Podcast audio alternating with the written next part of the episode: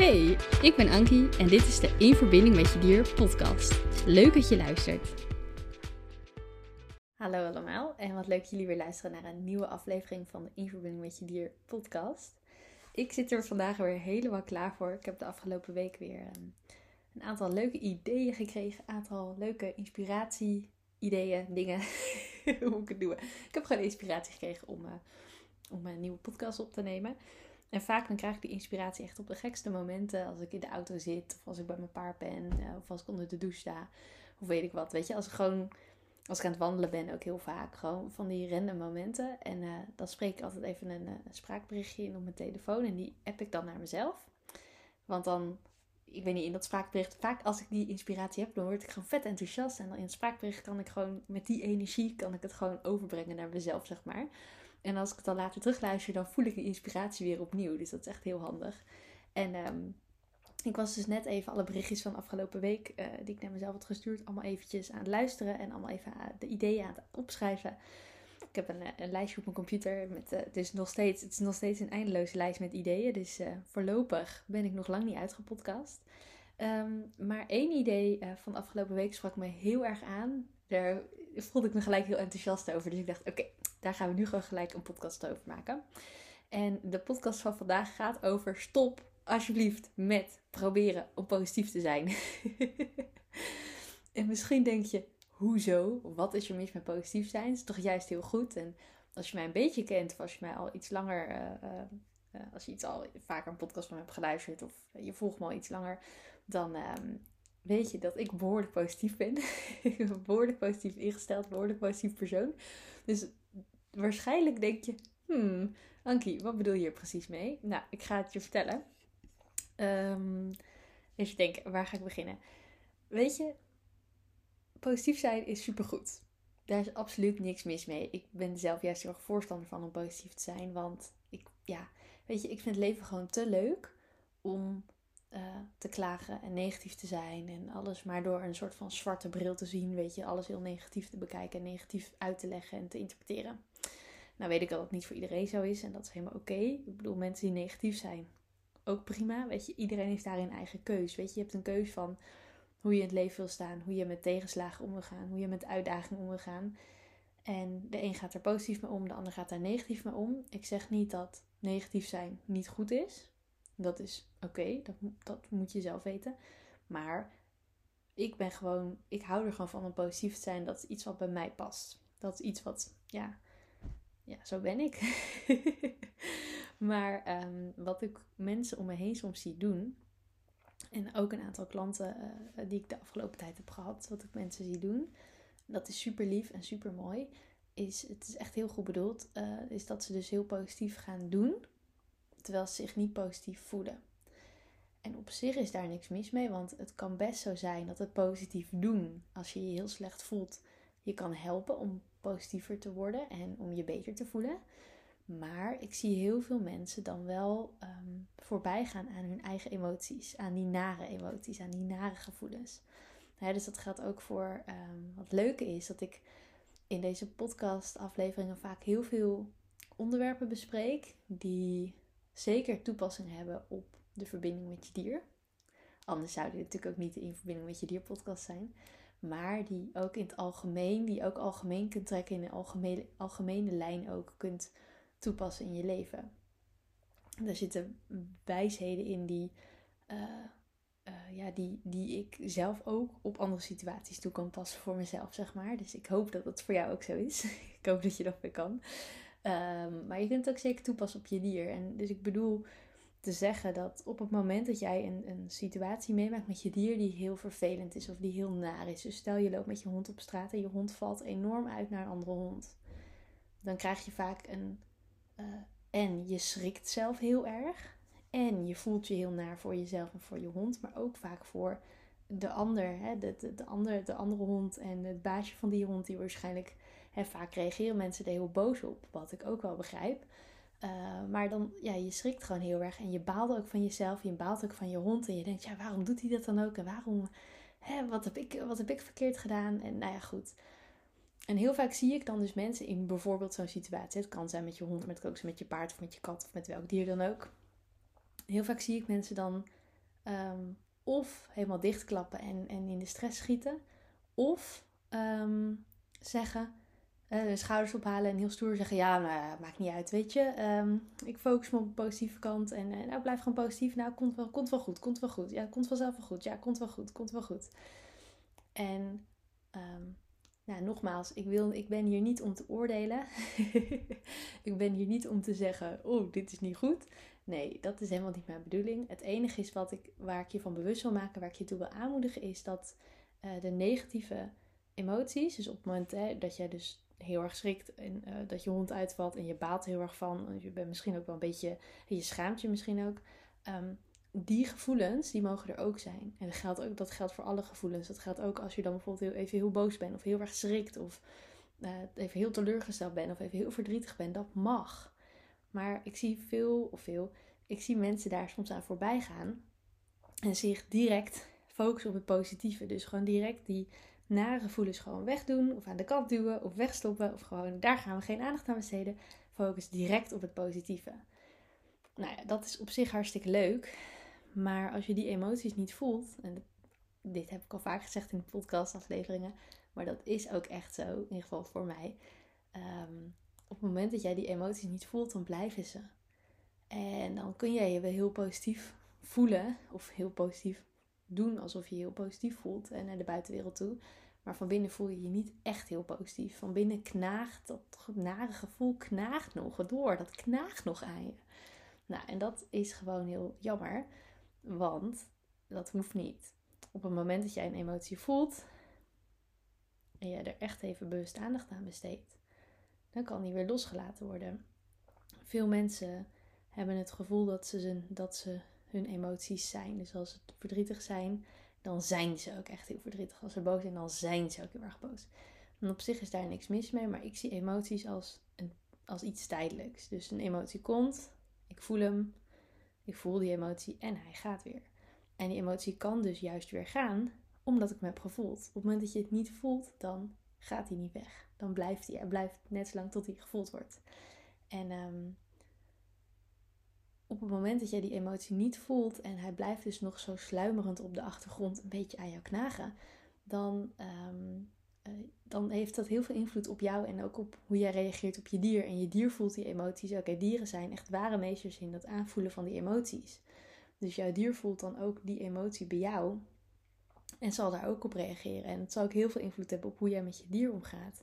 op het moment dat jouw hond dan net is uitgevallen naar een andere hond en je voelt je er eigenlijk heel naar bij, maar je denkt: oké, nou, uh, kan ik nu niet bij, gaan we nu niet op focussen. Ik focus op wat er goed gaat, focus op wat er positief is, wat mijn hond allemaal wel goed doet. En want mijn hond zegt super lief, dus ik focus daarop. Want los daarvan, los, alle honden zijn lief. En ook als je hond uitvalt, is hij nog steeds heel lief. Hè? Het, bedoel, het is gedrag van je hond, maar het zegt niet per se iets over wie je hond echt is. Want jij ziet ook de andere kant van je hond. Alleen een ander baasje die hè, die uh, wiens hond wordt uh, zeg maar uitgejouwd door jouw hond, die ziet dat op dat moment niet, want die ziet gewoon een uitvallende hond. Die weet niet, die kent jou niet, die kent jouw hond niet, dus die weet niet hoe lief jouw hond ook kan zijn. Maar um, op het moment dat jij dan dus heel erg uh, niet die emotie voelt, maar gewoon focust op wat er goed gaat, dan en jij komt daarna weer, dan blijft die emotie dus zo sluimeren, die blijft knagen. Oh, ik stoot mijn microfoon aan. Die blijft sluimeren en die blijft knagen. En jij loopt verder met je hond en dan blijf je gespannen. En op het moment dat jij dan weer een hond tegenkomt, nou dan, dan blijft die spanning, die is er al. Dus dan is de kans dat jouw hond weer uitvalt, is, wordt alleen maar groter. Want die spanning wordt alleen maar meer. Jouw uh, schaamtegevoel wordt alleen maar meer. En ja, dat, dat, dat werkt niet. Dan kom je in een soort van cirkel met heel veel spanning en heel veel emoties die niet gevoeld mogen worden, die gewoon weggeduwd worden. En weet je, wij als mensen zijn wij heel erg geneigd om die emoties weg te duwen, omdat we dat als kind al vanaf jongs af aan al leren. kinderen leren gewoon al heel jong. En ik denk dat ik in het algemeen wel over de hele. over het grootste deel van de mensen mag spreken. Dat bijna iedereen als kind gewoon leert om zijn emoties niet te voelen. Maar het gewoon maar even weg te duwen. Van nou ja, dat uh, is irritant, of dat is moeilijk, of dat is lastig, of dat is pijnlijk. Dus daar gaan we gewoon niet op letten. We gaan gewoon lekker door met uh, wat we aan het doen zijn. En uh, weet je, vaak krijgen kinderen het ook te horen als ze verdrietig zijn of als ze boos zijn van je moet nu rustig doen. Uh, stel je niets aan, uh, voel even niet die pijn. Ga gewoon door, huppatee, doorzetten. En eh, ehm, het is geen kwade opzet van ouders dat ze hun kind dat ze dat tegen hun kind zeggen. En nogmaals, ik, ik ben hier niet om te vertellen wat goed of fout is. Want wat ik goed vind, hoeft niet goed te zijn voor een ander. En wat ik fout vind, hoeft voor een ander helemaal niet fout te zijn. Ehm, maar ehm, ik, ik, ben hier gewoon om, degene die dit nodig heeft om te horen een klein beetje bewust te maken. Dus ik hoop dat je er wat mee kan. Maar in elk geval, um, het is dus heel goed om die emoties te voelen. Want juist als je ze voelt, dan zijn ze er even. En dan voel je hem en dat is best wel naar en best, kan best pijnlijk zijn. Maar zijn emotie gaat altijd weer voorbij. Hoe heftig die ook is. Hij gaat weer voorbij. En het is altijd maar tijdelijk. En juist om te voelen kan die gaan. Als je hem niet voelt, dan blijft hij aanwezig. Maar dan gaat het zich ook opstapelen met alle emoties van de hele dag of de hele week. Of de, de afgelopen maand of het afgelopen jaar of de, de afgelopen tien jaar. Dat wordt zo'n één grote beerput met allemaal shit. allemaal shit emoties. Nou ja, dat is volgens mij... Uh, ja, dat wordt op een gegeven moment ook best zwaar om dat allemaal te dragen. Dus dat. En uh, juist als je dus die emoties voelt, dan kunnen ze gaan. Dan kunnen ze weer. Laat je ze weer los. Dan hoef je ze niet met je mee te dragen. Dan zijn ze weer weg. En dan kun je je dus wel gaan focussen op positieve en op wat er goed is en wat er goed gaat. Dus aan zich is er met positief zijn is helemaal niks mis. Juist heel goed, want je gaat je er fijn van voelen en je gaat ook de kleine dingen die je dier goed doet, ga je waarderen. De kleine dingen die jij goed doet, ga je van jezelf waarderen. En um, wat dat betreft is het ook het leuke is ook dat hoe positiever je bent, hoe beter je je gaat voelen. En hoe beter je je voelt, hoe positiever je kunt zijn. Dus dat wordt dan een vicieuze cirkel die de positieve kant, de goede kant op gaat, zeg maar. Maar um, ja, weet je, met positief zijn is niks mis. En het is heel goed om positief te zijn. En het is heel goed om te focussen op positief zijn. Maar laat die nare dingen er ook zijn. En je hebt ook die nare emoties. Hoe gek het ook klinkt, die nare emoties heb je nodig om het contrast te ervaren. Je moet negatieve dingen ervaren in je leven om te weten hoe positieve dingen voelen.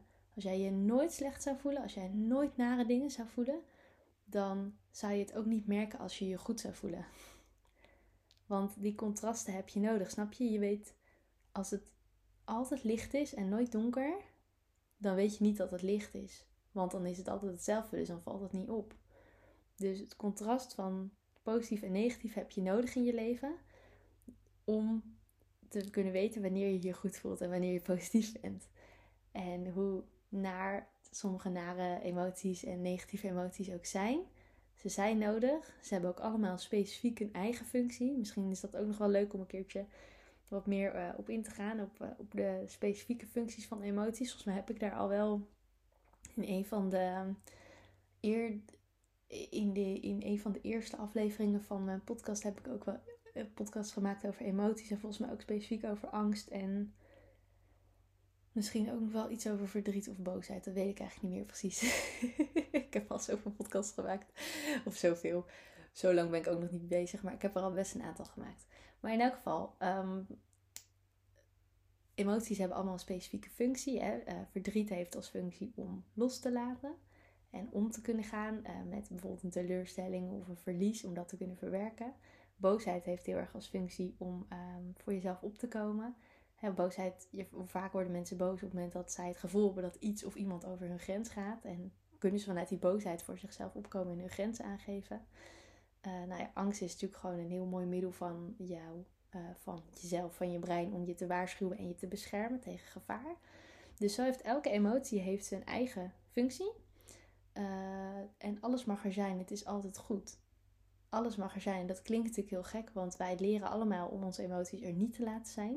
Maar juist als je die emoties er wel laat zijn, dan zul je zien dat je er steeds makkelijker mee om kunt gaan. En dat ze steeds, eigenlijk steeds korter duren. Dat ze steeds eerder weer weggaan. Omdat je ze echt voelt. En ook echt durft te voelen. En dan kun je ze ook weer steeds makkelijker weer loslaten. Waardoor je eigenlijk steeds rustiger en kalmer en meer in balans leeft. En dan, weet je, het is niet zo dat ik nooit boos word. Of verdrietig word of bang word of wat dan ook. Ik voel me ook wel eens heel erg slecht. Maar omdat ik het voel, kom ik weer eerder weer tot rust. Het is niet dat ik altijd rustig ben, helemaal niet. maar ik kom wel weer eerder terug bij die rust.